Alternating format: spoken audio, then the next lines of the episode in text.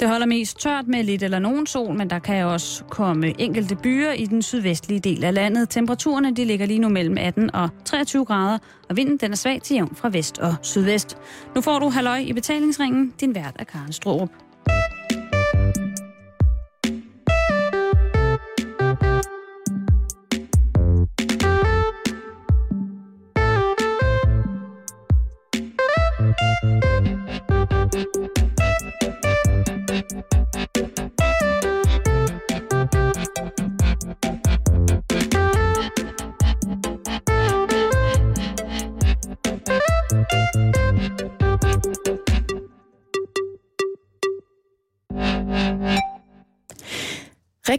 Hjertelig velkommen til.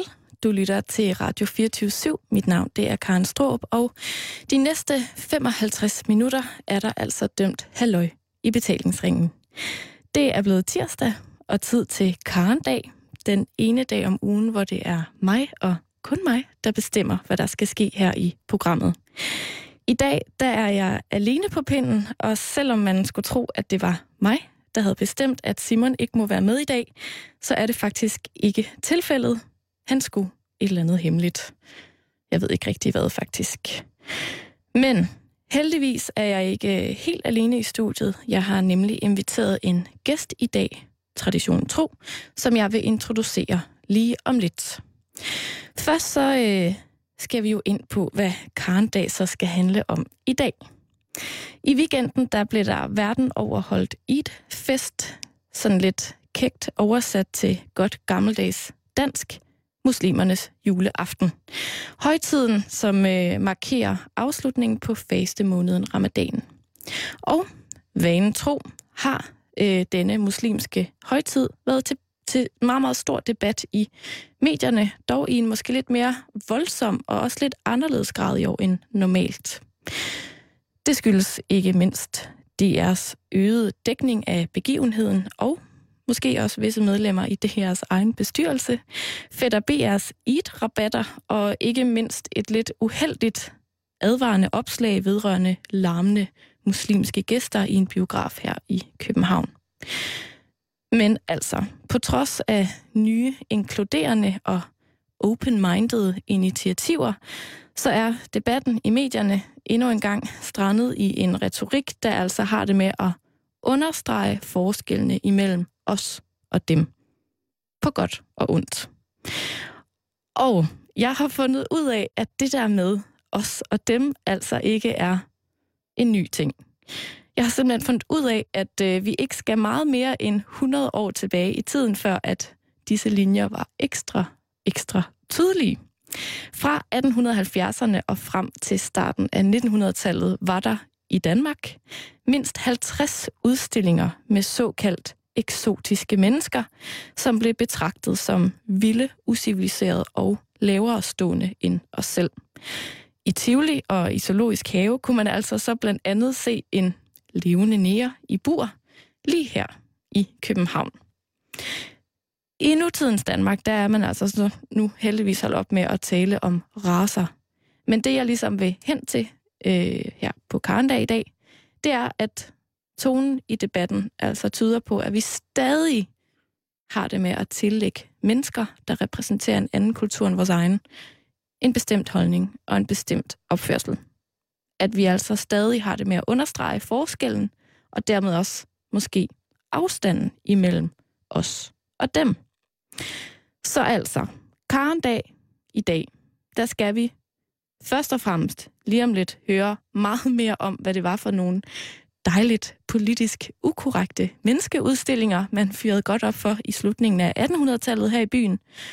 Men det skal også handle om de sidste ugers ramadan, stå hej.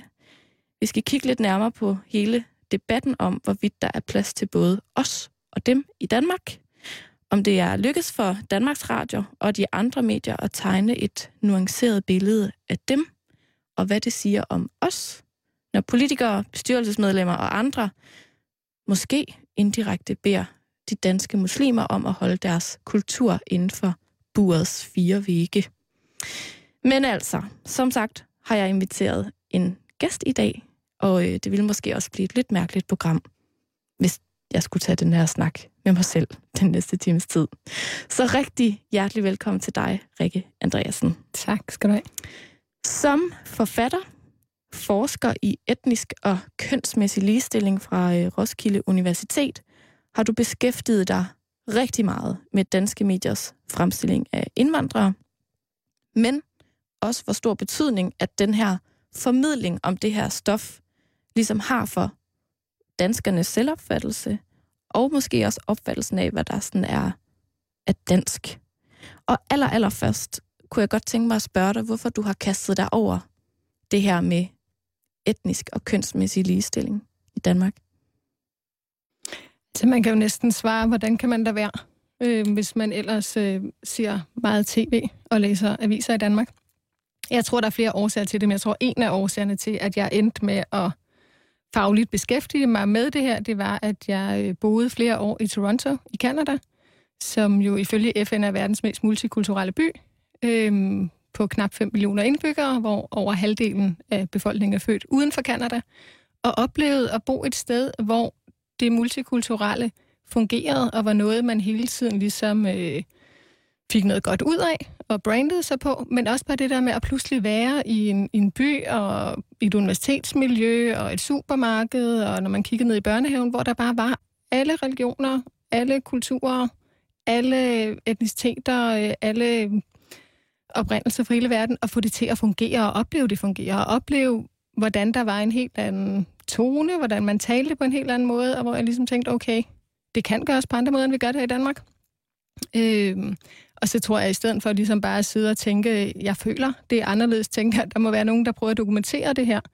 Øhm, og, og så gik jeg jo sådan meget systematisk i gang, kan man sige, og lavede en phd afhandling der jo handlede om at kigge på, hvad Danmarks Radio og TV2 havde sendt af nyheder om etniske minoriteter fra 70'erne og frem til, til midten af 2000-tallet. Så jeg tror, det var sådan den der inspiration udefra, hvor jeg tænkte, der sker altså et eller andet her, som øhm, kunne gøre os meget, meget bedre. Og hvordan er det så at være forsker i det her stofområde i dagens Danmark? øh, jamen, det er, jo, det er jo både godt og ondt, kan man sige. Ikke? Øh, jeg, jeg synes jo, jeg er på mange måder privilegeret, fordi jeg har fået lov til at sidde og beskæftige mig med det her. Jeg er glad for, at, at jeg kan gøre det. Øh, jeg synes, det er vigtigt. Øh, jeg oplever, øh, at, at de bøger, jeg skriver, bliver modtaget, og hvor folk bare synes, det er rigtig, rigtig vigtigt. Men, men jeg oplever jo også samtidig, øh, at det nogle gange er et, et ret hårdt område at være i. Også noget af det, jeg har beskæftiget mig rigtig meget med, har været tørklædedebatterne, de debatter, vi har haft om muslimske kvinders tørklædebrug, øh, hvor vi jo havde nogle meget hæftige debatter i slutningen af 90'erne, især i, i 2000 og, øh, og 6, da Asma Abdul Hamid jo blev vært på det her to, og da hun stillede op til Folketingsvalget i 2007, som jeg beskæftigede mig rigtig meget med, og hvor jeg jo har oplevet, at det er voldsomt at komme som forsker, selvom man har sin faglighed i orden, på et emne, der er så politiseret. Øh, og har jo oplevet, at, at ligesom hver gang jeg har givet interviews på det her, og modtage hademails, øh, og blive svinet til at modtage mails med, at jeg er landsforræder, og, øh, og skulle sendes til Sverige, eller ikke, altså nogle meget voldsomme og blevet svinet meget til, mm. øhm, og blevet blive overfaldet i tog dagen efter, jeg havde været i deadline og diskuteret de her ting, fordi man mente, at jeg var en trussel mod kvinders frihed. Altså, så jeg synes, det har også nogle voldsomme omkostninger at beskæftige sig med de her meget politiserede ja. områder. Og man må sige, at vi i løbet af de sidste par uger har debatteret og debatteret og debatteret, og at der også har været sådan mange ildre øh, tilkendegivelser, øh, både på nettet og i på debatsiderne, og jamen også direkte tv, i Deadline, TV-avisen, alle steder. Er du i din forskning stødt på noget, der kan sige noget om, hvorfor at vi bliver så ildre, når det kommer til det her? Nej, jeg ved ikke, altså jeg ved ikke, om man kan sige hvorfor, men man kan jo sige, at det her er et område, hvor det er fuldstændig legitimt at hisse op på. På andre måder end øh, hjerneforskning eller skoletandlægepleje. Eller, altså, der er ret mange andre områder, hvor det ikke er legitimt og i den måde være i sin følelsers vold og sige mange virkelig ubehagelige, voldsomme ting om hinanden og svine hinanden til, og mene hinanden ikke har ret til at udtale sig i det offentlige rum. Ikke? Så kan vi sige, at, at de her emner, øh, religion, men måske især de der felter, hvor religion også krydser etnicitet eller krydser køn, jo, jo bare har vist sig de sidste øh, 10-20 år at, at være sådan nogle legitime platforme for at, at sige, hvad man vil. Øh, og, og hvor det jo til synligheden er, er legitimt at svine hinanden til, og det bliver så yderligere forstærket af, at, at vi jo også har et internet, hvor vi jo meget hurtigt kan komme til at sige ting, ikke? og vi har mm. artikler med nogle lange, lange debatspor under, hvor det også er rimelig nemt og hurtigt at komme til ord, som jeg også tror, at hvis folk skulle have sat sig ned og skrevet et brev på deres skrivemaskine, folde det sammen, putte en kuvert slik på et frimærke og sende det afsted, er det ikke sikkert, at vi havde samme tone i debatten, som vi får, fordi det er så nemt via internettet at, at skrive ubehagelige ting om hinanden. Ja. Men altså, som sagt, så er det jo ikke øh, en ny ting, det her med at, hvad skal man sige, definere os selv også måske ud fra at beskrive de andre, som, øh, som man kan sige jo fylder meget i hele integrationsdebatten og indvandrerdebatten. Øhm, og hvis vi ligesom skal gå ind i det her med forholdet mellem os og dem, og gå lidt kronologisk til værks, så øh, er det som sagt, som jeg sagde i indledningen, ikke så længe siden, at vi altså bogstaveligt talt satte de andre i bås. Eller i bur, om man vil.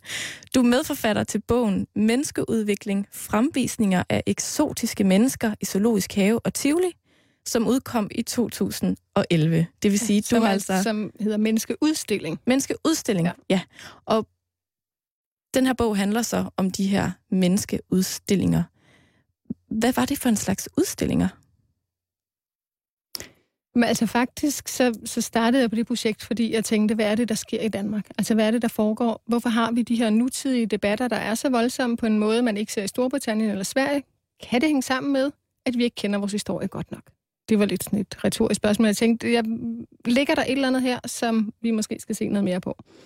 Og det, jeg så valgte at se på, det var, at vi har haft i Danmark, som man har haft i de fleste lande i Vesteuropa, udstillinger af det, man kaldte eksotiske mennesker – og det var simpelthen, at man øh, for eksempel importerede 30 kvinder, mænd og børn fra Indien, byggede en såkaldt interlandsby til dem i zoologisk have, og så havde man de her mennesker til at bo der hele sommeren, mens danskerne valgfardrede til for at studere de her vilde indere, der var kommet.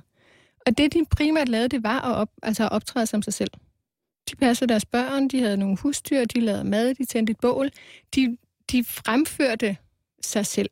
Øhm, og så kunne man så som dansker komme og se på, hvor vilde og anderledes de var, mens man selv kunne stå og, og føle sig civiliseret på den anden side.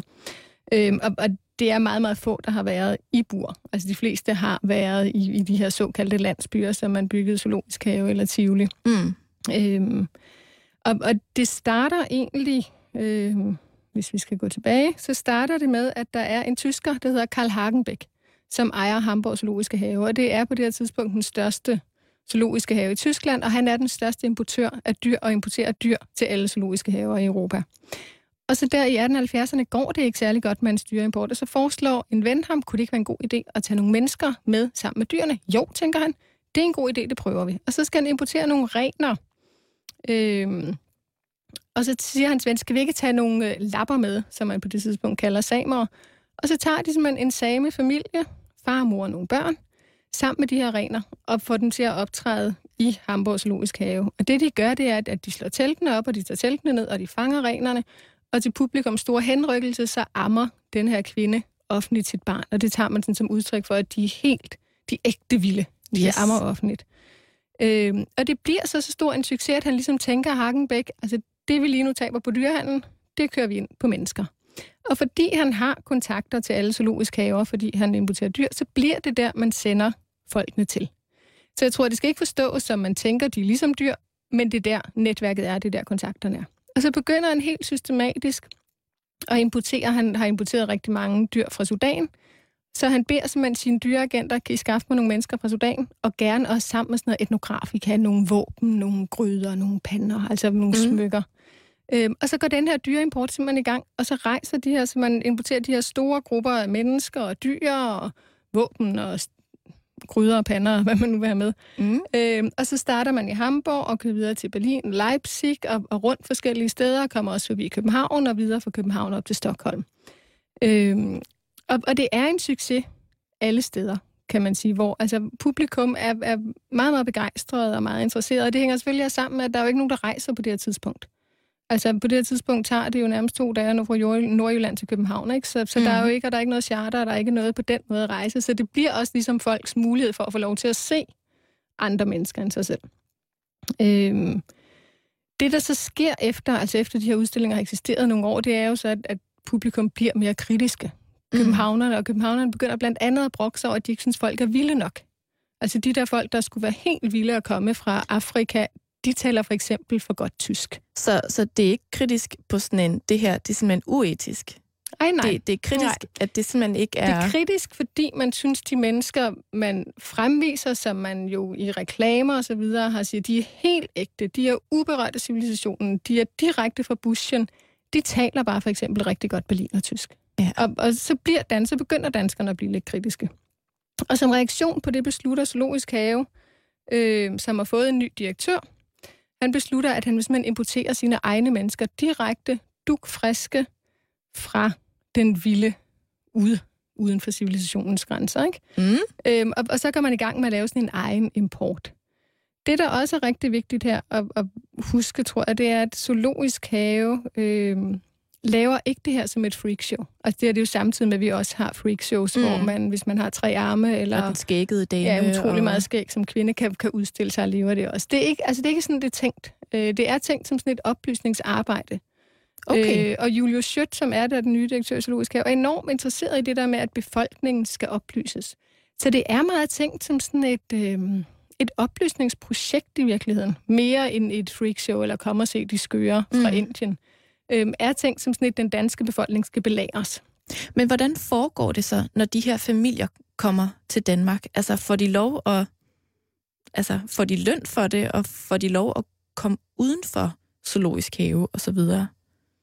Altså noget af det, der jo er rigtig svært som forsker og, og som historiker, især når vi kigger tilbage i tiden, det er jo, at det er jo begrænset, hvad vi har adgang til af kilder, og vi har for eksempel ikke ret mange beretninger fra de folk, der var udstillet.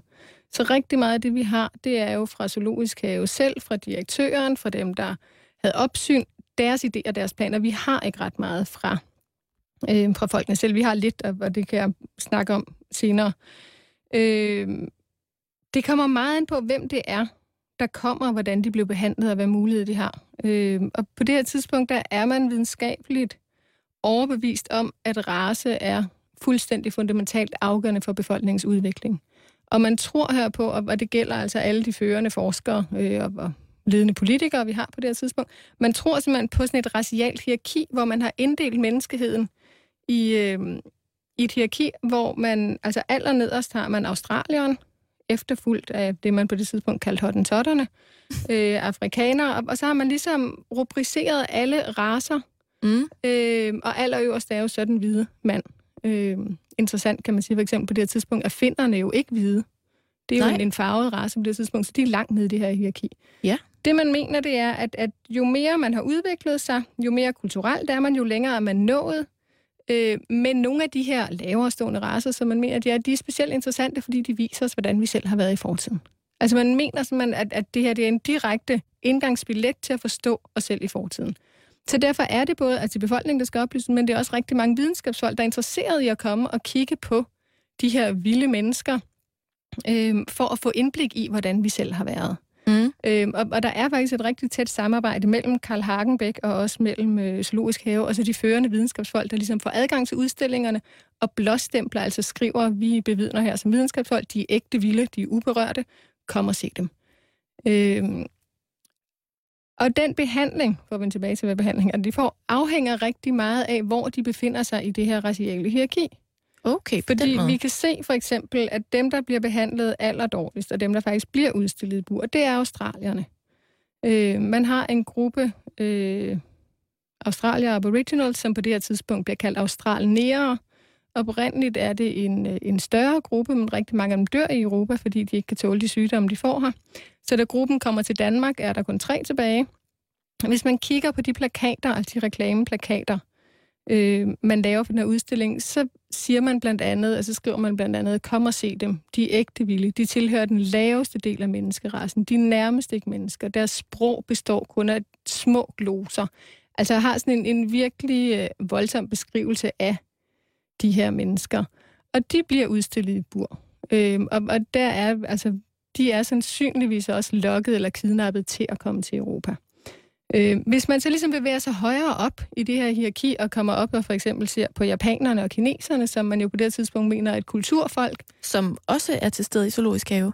Ja, altså kineserne blev udstillet i, øh, i Tivoli i 1902, og japanerne blev udstillet i Zoologisk Have i 1902. 1901. Nu bliver jeg i tvivl. Er det et eller to? Det må vi slå op lige om lidt. I starten af 1900-tallet. Øh, så mener man jo, at de er kulturfolk. De har en kultur, de øh, og udviser en helt anden respekt for dem. Kineserne har kontrakter, for eksempel. Der er udformet kontrakter, japanerne også. Deres løn, der er gode vilkår.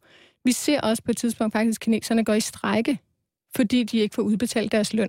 Nå. Øhm, så, så man skal ikke, altså jeg tror ikke, man skal ikke tænke det her som, at, at alle folk er frygtelig undertrykte og bliver behandlet dårligt. Øhm, nogen bliver, australierne blandt dem, der bliver behandlet helt forfærdeligt. Der er mm. eksempler på afrikanere, der bliver behandlet rigtig dårligt. Men der er altså også eksempler på folk, som øhm, for eksempel går i strække og får forhandlet nogle bedre lønforhold, øhm, og, og som behandles med en helt anden form for respekt. Men, men rigtig meget tyder på, at, at det virkelig afhænger af, hvor i det der raciale hierarki, de befinder sig. Hvornår er der ligesom nogen, der råber vagt i gevær? Hvad er det her? Er det her etisk korrekt? Altså, hvornår Hvornår sker det? Altså, vi kan ikke finde nogle eksempler på det. Øh, derfor kan man godt have gjort det. Men øh, når vi er inde, altså det vi har været inde og kigge på, mig og min kollega Anne Folke Henningsen, øh, så har vi jo kigget på dels alt det materiale, der har været i Zoologisk Have. Brevkorrespondencer, kontrakter, billeder osv. Vi har også været inde og kigge på alle avisbeskrivelser. Altså hvor politikken, som en københavner, skriver utrolig meget om det her der er illustrerede magasiner, der er rigtig mange, så alt, vi er ligesom inde og kigge på alle datidens medier. Vi har ikke været i stand til at finde nogen, der taler om, at, at det er moralsk forkasteligt at gøre det her. Og derfor går vi ud fra, at, øh, at man faktisk har ment det er folkeoplysende. Øh, vi går også ud fra, at, at man, også fordi videnskaben ligesom er så stor en del af det, at på det her tidspunkt tænker man ikke det her som moralsk forkasteligt. Der, hvor der er nogen, der begynder at blive virkelig, virkelig moralske, det er, når der bliver for meget, hvad kan vi sige, jeg var ved at sige blanding, men, men når der ligesom bliver for meget sådan minglen mellem de udstillede og det danske publikum. Det skal øh, du lige forklare. Ja. Fordi der sker jo det, som der jo næsten altid sker, når folk mødes. Sød musik opstår på den ene eller den anden måde. Øh, vi ser, når vi ender og læser de her beskrivelser, ser vi rigtig, rigtig meget kritik af de danske kvinder for at udvise for stor en seksuel interesse for de udstillede mænd. Uha. Øhm, vi ved ikke, om de danske mænd også har udvist en interesse for de udstillede kvinder, eller for de udstillede mænd. Men det, vi ser en kritik af, det er, at, at når danske kvinder involverer sig romantisk seksuelt med de her udstillede mænd, så bliver der som en ramaskrig. Fra, fra journalister, fra videnskabsfolk, som jo på det her tidspunkt primært er mænd. øhm, og, så vi har rigtig mange beskrivelser af, at man, øhm, mandlige journalister fra politikken for eksempel, der skælder de danske kvinder ud for at svigte den danske race og svigte den danske nation ved at involvere sig romantisk med de her mænd. Og det, det jo handler om, det er jo rigtig meget, at man har det her racehierarki. Mm. Og, og hvis man jo begynder virkelig at blande sig på tværs, så forsvinder hierarkiet jo. Altså man kan jo ikke opretholde ideen om den hvide races overlegenhed, hvis alle de hvide kvinder er mere interesserede i nogle andre end de hvide mænd, og begynder at få børn med nogle andre end de hvide mænd. Øh, men udover det, så er man faktisk også på det her tidspunkt reelt bekymret for, hvad det betyder, hvis vi reproduceres på tværs af raser. Altså man er reelt bekymret for, om, om det vil degenerere os. Og, mm. og det ved vi jo i dag, og altså har vi jo i dag tusind, tusind, tusind, tusindvis af eksempler på, at det gør det jo på ingen måde. Øh, men det er en bekymring, man har på det her tidspunkt. Så vi ser en rigtig, rigtig voldsom kritik, og sådan en moralsk kritik, når kvinder begynder at gøre det her. Det vi også ser, som er lidt interessant, det er, at vi ser for eksempel politikken, som jo er sådan en, en pæn middelklasseavis også på det her tidspunkt, øh, siger, at det er meget noget, arbejderklassens kvinder gør. Det er ikke noget, ens egne kvinder gør, men det er arbejderklassen. Samtidig ser vi Demokraten, som er en, øh, en arbejderavis, jo beskrive, at det her er typisk middelklassen og overklassens kvinder, der laver den her moralsk forkastelige opførsel. Ikke? Så vi ser, mm. hvordan de forskellige klasser kritiserer hinanden moralsk ved at, at blande sig øh, interracialt, men jo også, hvordan kvinder fra begge klasser ligesom bliver ansvarlige for at opretholde moralen. Altså det ja. bliver ligesom kvindernes ansvar, at, at moralen skal opretholdes, og rasen skal holdes ren. Endnu en gang det er, er det, det kvinderne, det er det. der lukker hele verden. Jamen det er det ikke, men endnu en gang bliver det jo deres ansvar. Ja. Altså, og, og sådan, øh, vi har jo lige nu sådan en, øh, det er en helt sådan up-to-date, ikke? men altså lige nu kan unge kvinder for eksempel blive vaccineret mod livmoderhalskræft, fordi man mener, at vi behøver, hvis vi nøjes med at vaccinere kvinderne, så har vi taget os af mændene. Ikke? Så bliver det ligesom kvindernes ansvar igen. Ja. Og de mænd, der så for eksempel har sex med hinanden, de bliver så aldrig beskyttet. Det er en helt det er et sidespring, ikke? Men, men det er bare for at sige, at vi har jo stadig den dag idé med, at det er kvinderne, der er ansvarlige for vores seksuelle velbefindende. Ja.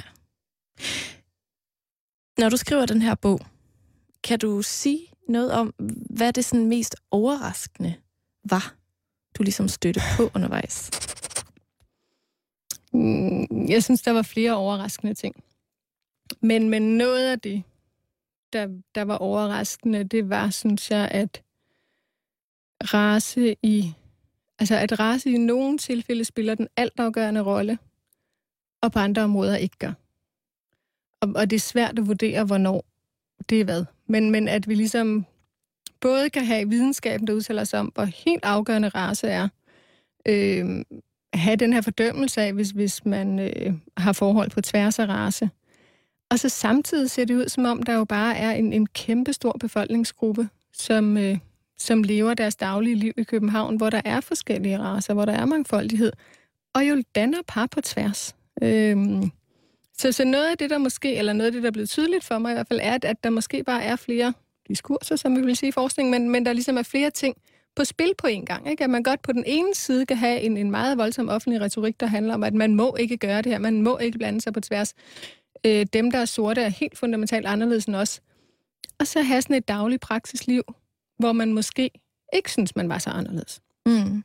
Øhm, og hvor, tror jeg, noget af det, der bare er vigtigt at huske på, er, at, at de kilder, vi har til fortiden, jo rigtig tit er de der offentlige diskurser og videnskabsfolkenes efterladenskaber, så man nemt får indtryk af, at race bliver så altafgørende. Men hvis man pludselig går ned og ser på, altså hvem giftede sig på tværs, og hvem fik børn på tværs, så var det måske ikke så altafgørende. Nej. Det synes, jeg, altså, så det synes jeg har været lidt overraskende, at der faktisk hele tiden er rigtig mange eksempler på, at det, ja, at race på den ene side betyder alt, og samtidig gør det måske ikke. I forhold til alt det andet, du beskæftiger dig med, øh, inden for forskning. Hvad, hvor, kan du ligesom, hvor har du draget nogle paralleller i forhold til det her med indvandrerdebatten herhjemme? Altså jeg tænker, der er, jeg ved ikke om det er paralleller, men, men jeg tænker, at noget af det, der nogle gange gør, at vi for eksempel bliver ved med at tale om øh, de andre i gåseøjne, på en måde som nogen, der er fundamentalt anderledes end os, er måske, tænker jeg, at vi ikke altid kender vores historie. Altså jeg tænker, vi havde for eksempel, øh, altså vi har jo haft de sidste mange år flere eksempler på politikere og også andre debattører, der blev ved med at sige sådan noget, muslimer lever i middelalderen. De har en middelalderlig kultur. Hvor jeg nogle gange tænker, vil man sige det, hvis man faktisk ved, at vi for 100 år siden har haft sådan en helt fast tro på, at raser har udviklet sig forskelligt, og nogle raser befinder sig tilbage i tid og vi selv ligger helt højt i det her hierarki, hvor på nogle, altså det er jo sådan en genklang af den der raciale tankegang, og så kan det godt være, at vi i dag har erstattet det, vi før kaldte race og biologi med kultur, men ideen om, at der ligesom skulle være en helt kultur, der var helt fundamentalt anderledes end os, øh, synes jeg, altså minder jo meget om hinanden, ikke? Det andet, som, som jo også på nogle måder minder om hinanden, kan man sige, det er jo den der forestilling om, at folk er repræsentant for en race eller en kultur frem for hvert et individ. At, at når man taler om andre, så taler man om de sorte i Afrika. For eksempel, der er helt tilbagestående, de er voldige, de øh, er promiskuøse, og, og de er ikke så begavede, som man mente for 100 år siden. Ikke? Mm. Hvor man jo på nogen måde kan høre folk tale der om muslimerne. De er super voldige, de undertrykker alle sammen deres kvinder, og de har en kultur fra middelalderen. Altså den der idé med ligesom at, at slå alle folk i bås, og at tænke, at, at det her det er en stor homogen gruppe. Og som jeg tænker, at, at vi jo stadig i Danmark tit har en tendens til at gøre i forhold til etniske minoriteter, især i forhold til muslimer, på en måde, som vi vil jo aldrig sige, øh, altså vi vil jo aldrig seriøst argumentere med, at alle folk fra Jylland øh, var på en og samme måde. Nej. Og alle sammen gik op og tænkte det samme, og havde de samme drømme, og behandlede deres øh, kvinder på samme måde. Altså, vi ville jo slet ikke tænke det, eller at alle de rødhårede var helt ens, ikke? Øhm, så jeg tænker, på den måde er der sådan nogle genklange. Mm. Øhm, der er også... Altså, jeg, jeg tror jo på, at det er måske helt naivt, ikke? men jeg tror jo nogle gange på det der med, at hvis man, hvis man kender til noget af sin fortid, kan det være, at man ikke reproducerer den. Og hvor jeg godt nogle gange kan undre mig over, at vi har haft de her udstillinger, det er 100 år siden, vi har haft mindst 50 af dem, de har været kæmpe, kæmpe store. Altså, vi, vi taler om, at der er, altså, det svarer til, at vi vil have noget i dag, hvor over halvdelen af Københavns befolkning kom og så det. Mm. Altså, vi har jo nærmest, hvad har, altså, det er jo x-faktor gange 10, ikke? Dem har vi haft 50 af over en meget kort periode. Jeg har aldrig hørt om det i folkeskole. Jeg har aldrig hørt om det i gymnasiet. Altså, jeg kan godt nogle gange undre mig over de der ting, der sådan forsvinder helt fra mm. vores kollektive bevidsthed. Og hvor jeg tænker, måske ville vi have et andet forhold til nogle ting i dag, hvis vi faktisk var klar over, at det her var en del af vores historie. Ja. Øhm, og, og at vi bærer den her historie i os på mange måder. Men altså, som du også sagde tidligere, så var intentionen jo ikke at, hvad skal man sige, at lave det her freakshow, men at oplyse. Og du siger, at samtidig er det også med til ligesom at definere, hvem vi selv er. Øhm, det her med at, at, at finde os selv øh, ved at kritisere nogle andre, eller ved at beskrive nogle andre, eller portrættere nogle andre. Hvordan ser det ud med det i de danske medier i dag? Men, men det, altså, det er jo sådan en helt grundlæggende ting med, at vi definerer os ved at være anderledes end andre. Ikke? Vi er danske, fordi vi i hvert fald ikke er svenske, og vi er i hvert fald helt anderledes end tyskerne. Ikke? Altså, vi, vi laver jo vores selvforståelse af vores nationalitet ved at være anderledes end nogle andre. Noget af det, man så kan sige, vi har gjort rigtig meget i de danske medier, især de danske nyhedsmedier de sidste 30 år, det er jo at sige, at dem vi er anderledes ind, det er vores indvandrere, det er vores flygtninge, det er vores etniske minoriteter, og siden midten af, og siden midten slutningen af 90'erne har det rigtig meget været muslimerne. Hvis man skal prøve at tegne sådan et, et gener- altså det bliver et, et generaliseret billede af, af nyhedsmedierne, ikke? men så kan man sige, at, at vi har set de sidste 30 år ligesom to stereotyper, der har været rigtig dominerende i nyhedsbilledet. Og den ene er den, man kunne kalde den undertrykte muslimske kvinde, og det er alle de nyheder, vi har haft om vold og tvangsægteskaber og tørklæder – Øhm, og den anden kunne man kalde den kriminelle, aggressive unge mand. Og det er alle de nyheder, vi har om banden. Og han er jo vældig aktuel. Han har været rigtig frem i dag igen. Kan man ikke? sige. Men, men det er alle de nyheder, vi har om bandekriminalitet og kriminelle unge og uden for pædagogisk rækkevidde. Vi har også rigtig mange, der handler om øh, unge etniske minoritetsmænd som seksuelt aggressive, som nogen, der, der voldtager i højere grad end hvide mænd osv. Så, videre. så der er ligesom de der to stereotyper, og det de jo gør, fordi det, der rigtig tit sker i nyhedsmedierne, det er jo, at de bliver sat op som en modsætning til os, det vil sige de etniske hvide danskere.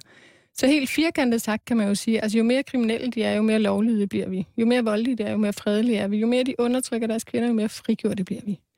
Og på mange måder bliver det jo, tænker jeg i hvert fald, så bliver det jo nogle gange også sådan en sovepude for at forholde os til nogle reelle problemer, mm. vi har i det her samfund. Øh, og, og vi har jo set rigtig, rigtig meget de sidste 10 år i forhold til sådan noget med at diskutere ligestilling, at det bliver rigtig svært at diskutere øh, nogle ting som strukturel ulighed i form af manglende ligeløn, problemer med fædre, der ikke tager barsen, fordi de her diskussioner politisk rigtig tit ender på, om det er også mere synd for den muslimske kvinde.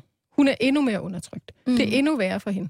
Og, og der er jo ikke nogen tvivl om, at selvfølgelig er der individer, der er muslimer, der har det svært, Ja. Øh, men at lave de der helt generelle øh, planer eller sådan idéer om, at, at muslimerne er super undertrykte, og vi andre er enormt frigjorte, bliver jo en sovepude for at løse noget som helst. Mm. Øh, så så det, det, der jo meget sker med de her billeder, eller de her mediebilleder, det er jo, at, at det bliver sådan et spejlbillede til os selv, og dem, der får noget ud af de her spejlbilleder, det er jo os selv. Altså det er jo den, den hvide dansker, der ligesom øh, bliver endnu mere frigjort og endnu mere civiliseret. Mm. Og det er ikke for at sige, at der er en direkte parallel, men, men man kan jo godt trække en tråd tilbage til, at det, der sker, når man står og kigger som dansker omkring århundredeskiftet 1900 på en udstillet vild fra Afrika, det er jo, at man selv bliver enormt civiliseret og enormt fredelig. Ja. Øhm, og noget af det, man jo så kan sige, der er, altså, det der er problemet i medierne, har jo rigtig meget været, at der er sådan en, der er både sådan en hypersynlighed og en usynlighed, forstået på den ja. måde, at vi har virkelig mange nyheder om unge mænd, der er kriminelle, unge mænd, der er voldelige, unge mænd, der er seksuelt aggressive, unge mænd, der ikke kan passe ind i samfundet, unge mænd, der ikke får en uddannelse. Men vi har jo meget, meget lidt fokus på alle de andre unge muslimske mænd, der bare er til forældremøde nede i børnehaven, eller bare øh, var ude på universitetet, eller alt muligt andet. Ikke? Så vi har på den ene side sådan en hypersynlighed på nogle helt enkelte områder, og samtidig sådan en helt usynlighed på andre områder, der jo blandt andet hænger sammen med, at selvom vi jo har rigtig mange, for eksempel veluddannede etniske minoriteter, så ser vi ikke ret mange af dem som eksperter. Nej. Altså, at, at vi har jo sådan en, en usynlighed på de her helt almindelige områder. Ikke? At vi har bare ikke...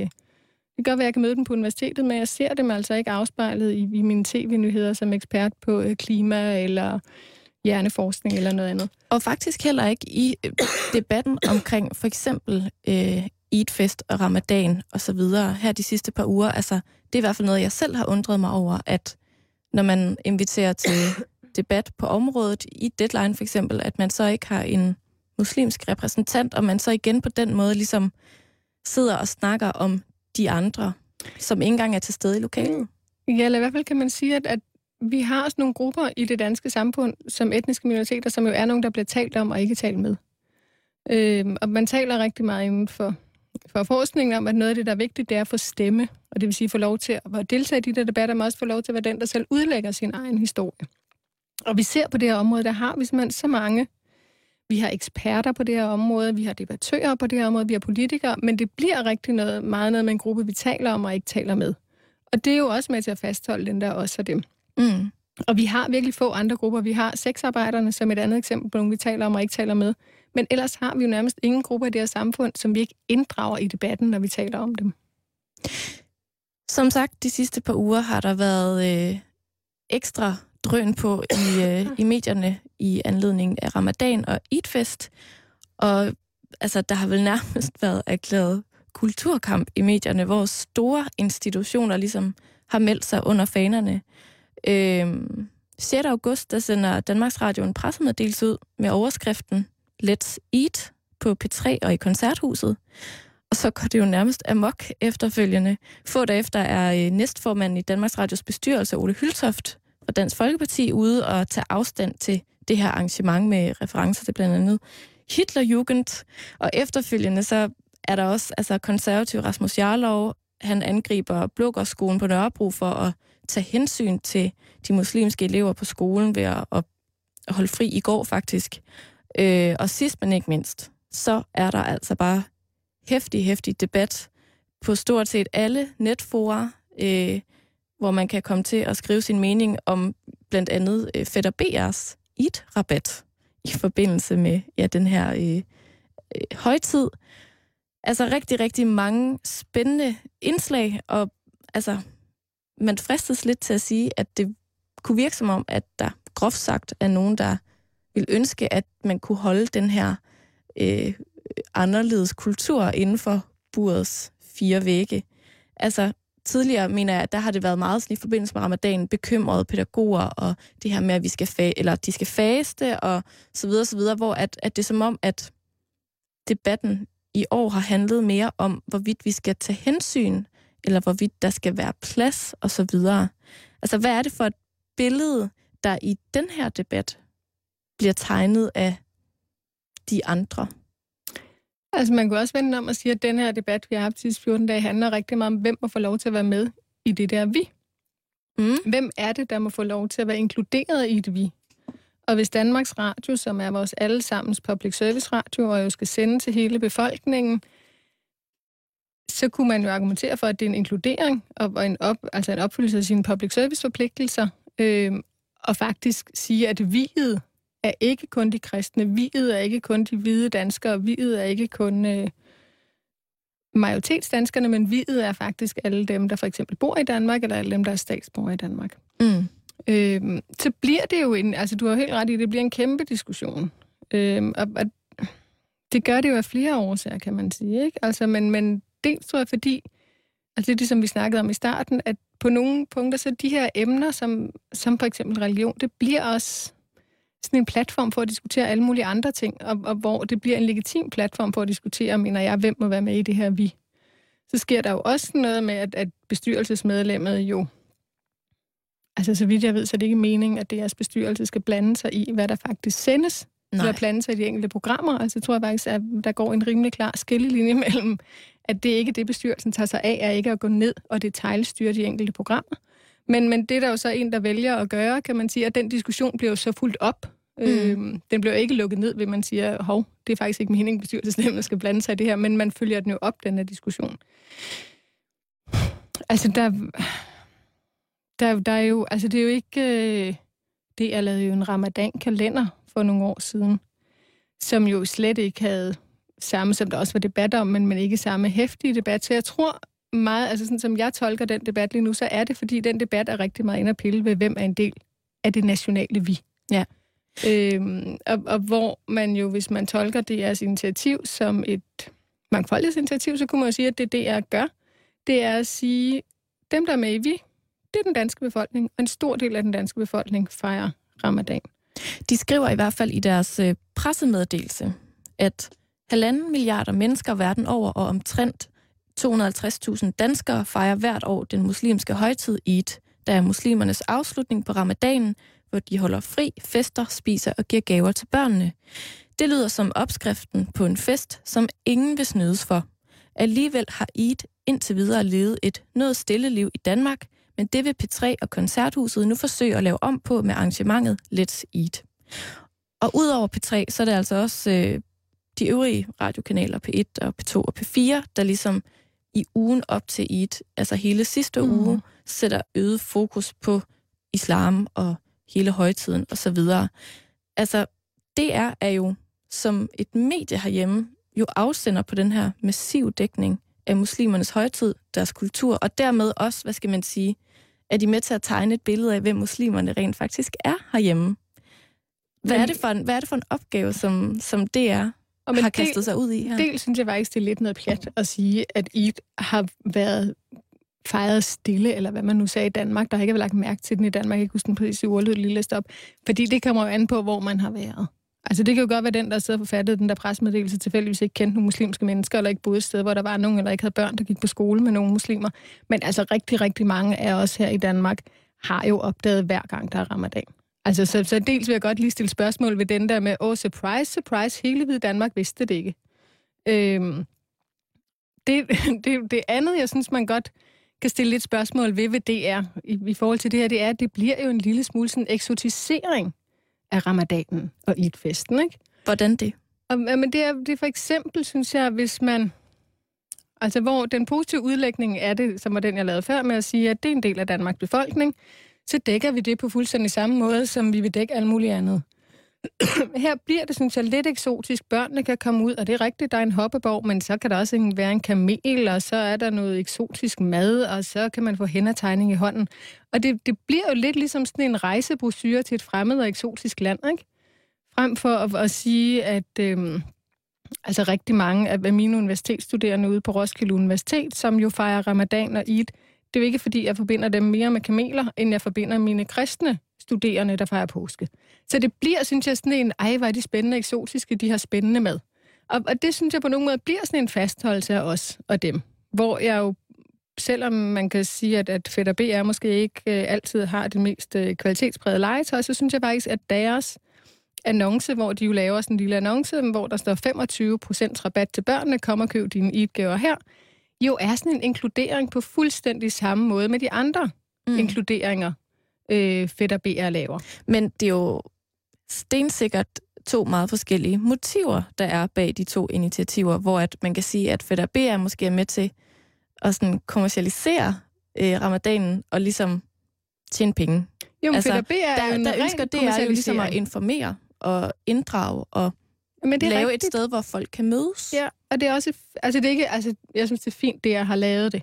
Jeg, jeg tænker bare, når de laver det næste år, kunne man måske godt nuancere det lidt mere, og ikke fastholde også af dem, hvor de er eksotiske, og vi kommer og kigger på de eksotiske.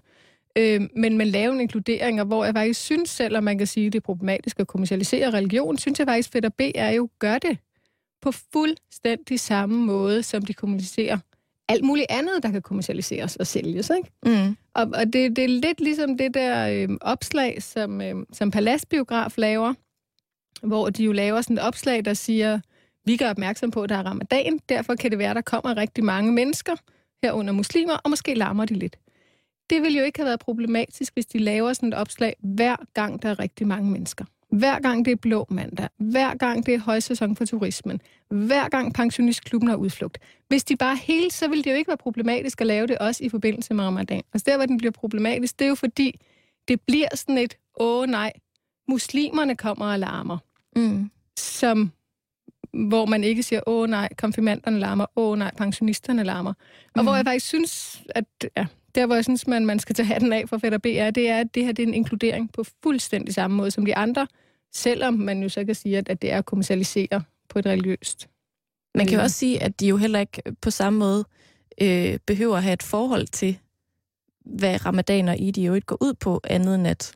Andet end der bliver købt gaver. At der ja. skal købes nogle gaver ja. til de der unger, og det må der gerne være ja. fedt at.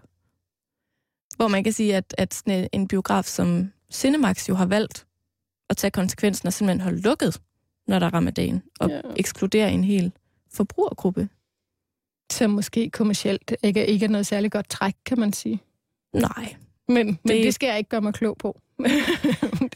Men du var lidt inde på det før, at der jo også er noget godt ved det her arrangement, som, som DR øh, ligesom fyrer op for, og det var efter sine en stor succes i går, der var mange besøgende og, og så videre. Øhm, tror du, tror du, DR har været klar over, at når de ligesom vælger at lave, tage det her initiativ, at de så jo ikke bare oplyser om en religion, men at de også er med til at beskrive nogle danskere, som tilfældigvis er muslimer, som bor i landet?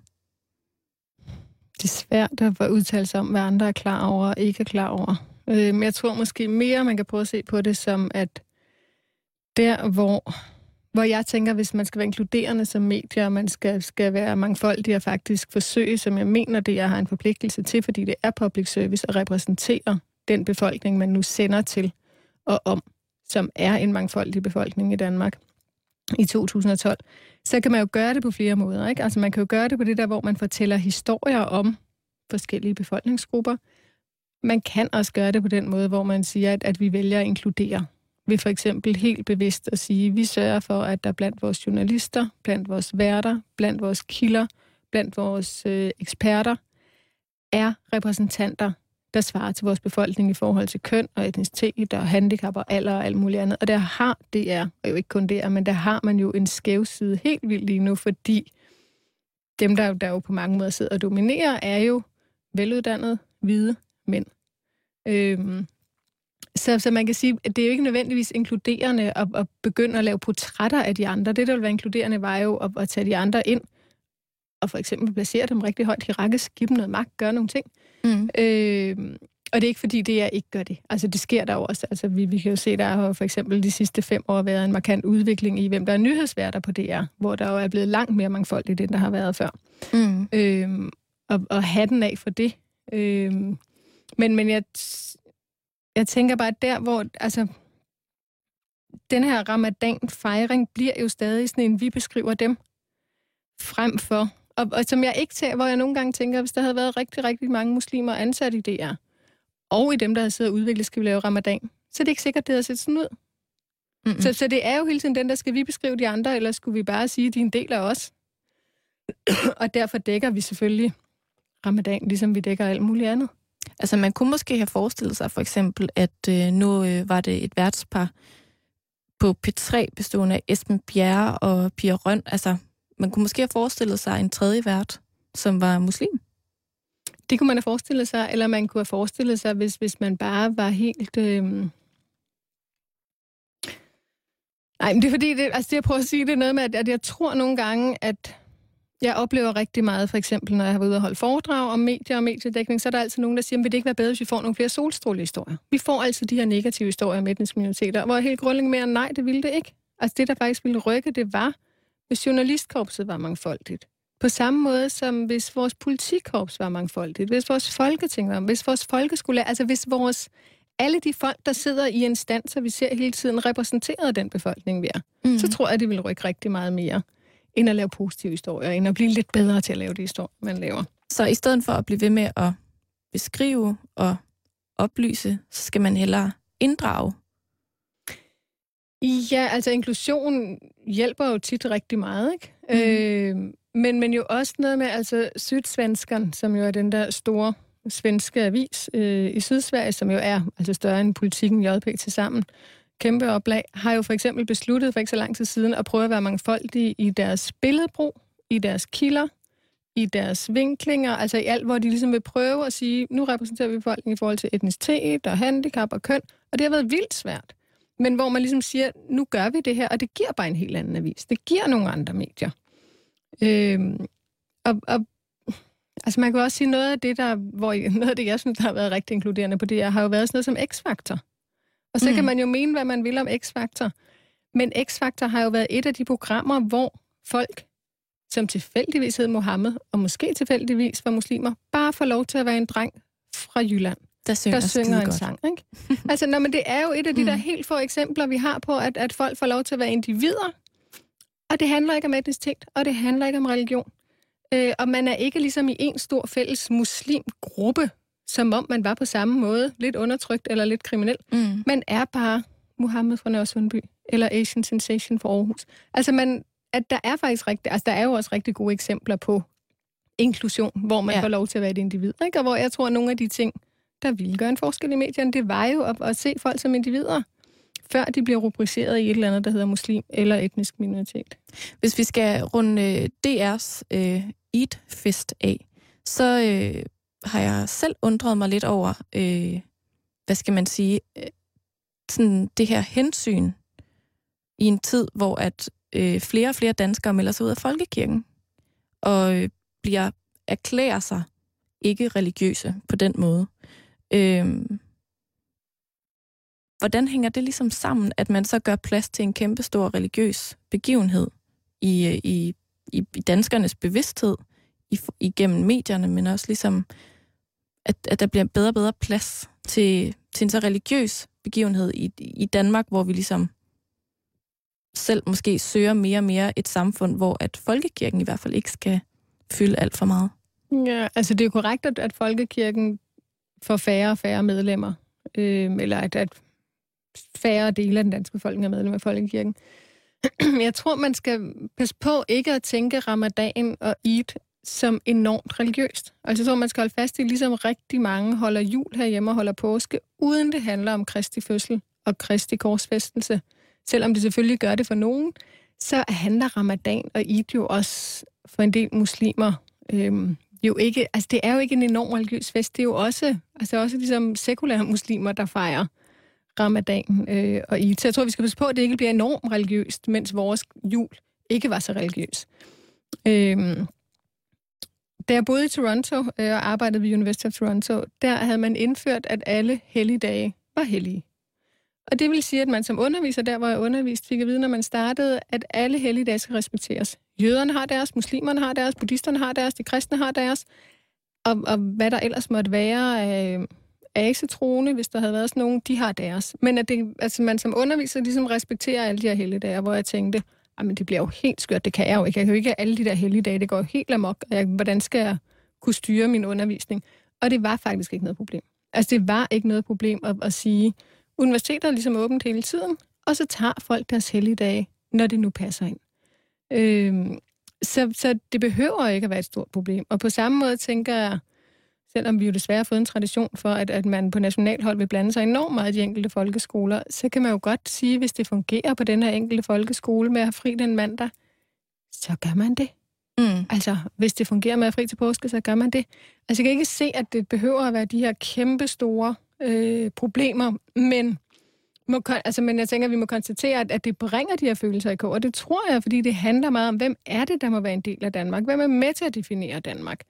Øh, og, og det er jo på nogen måde en kamp, hvor jeg tænker, der er nogen, der for hvem det er meget vigtigt at kæmpe den kamp, der handler om, at Danmark er kulturkristent, mens det for andre øh, handler om at sige, at, at vi også er en del af Danmark.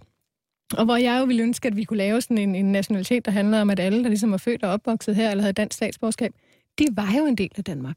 Altså, det er lidt ligesom den der diskussion, man har lige nu med, øh, med Tine Bremsen fra Socialdemokratiet derude og sige, at, at de der øh, jo langt ude kriminelle i Voldsmose, der har overfaldet IT-festen, skal sendes hjem. Og hvor man bare tænker, om sendt hjem til hvad? Til Fyn? Altså rigtig mange af de her mennesker er født og opvokset her. Mm. Så, så vi er jo nødt til at forholde os til, at, at vi alle sammen er en del af Danmark. Nu er der i hvert fald oplagt, eller hvad skal man sige, et oplæg for os to til måske at diskutere det, og til måske at tænke over, hvad vi selv kan gøre for at inkludere eventuelt, så Ja. så der ikke opstår så meget ramachan. Rikke, tusind tak, fordi du var med i dag her i Halløj i øh, betalingsringen. Selv tak. Det var alt fra øh, Karen dag i dag. I morgen er vi tilbage igen kl. 17.05, og så er Simon også tilbage. Nu får du nogle nyheder her på Radio 24 /7.